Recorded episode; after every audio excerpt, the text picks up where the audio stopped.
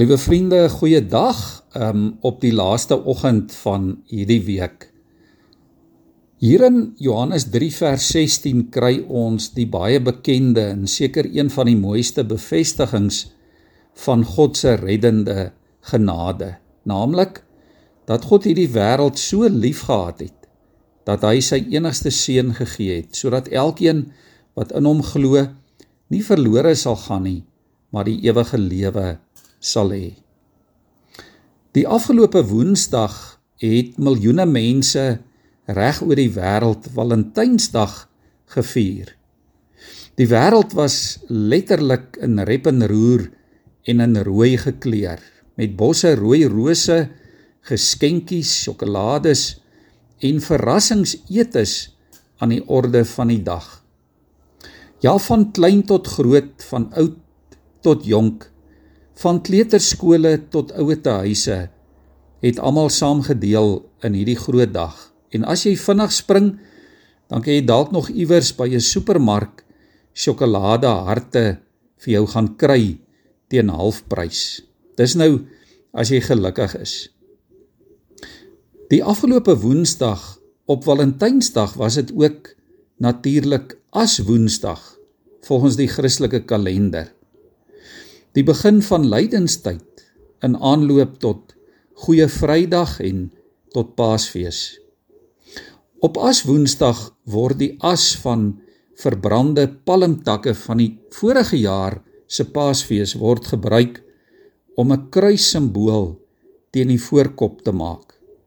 En dit is vir Christene ook die begin van 'n 40 dae vastyd Natuurlik weet ons ook dat dit alles uitloop op die oorwinning van Jesus Christus aan die kruis.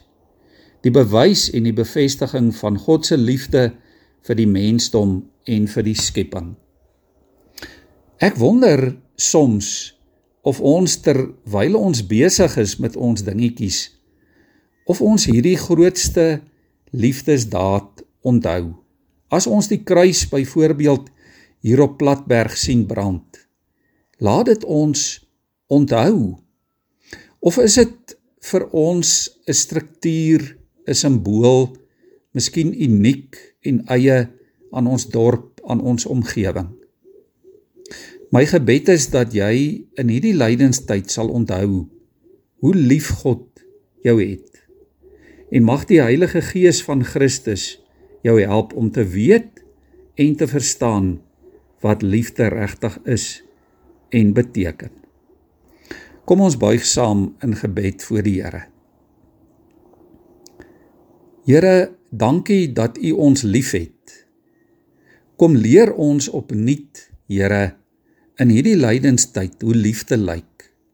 Wat liefde regtig is.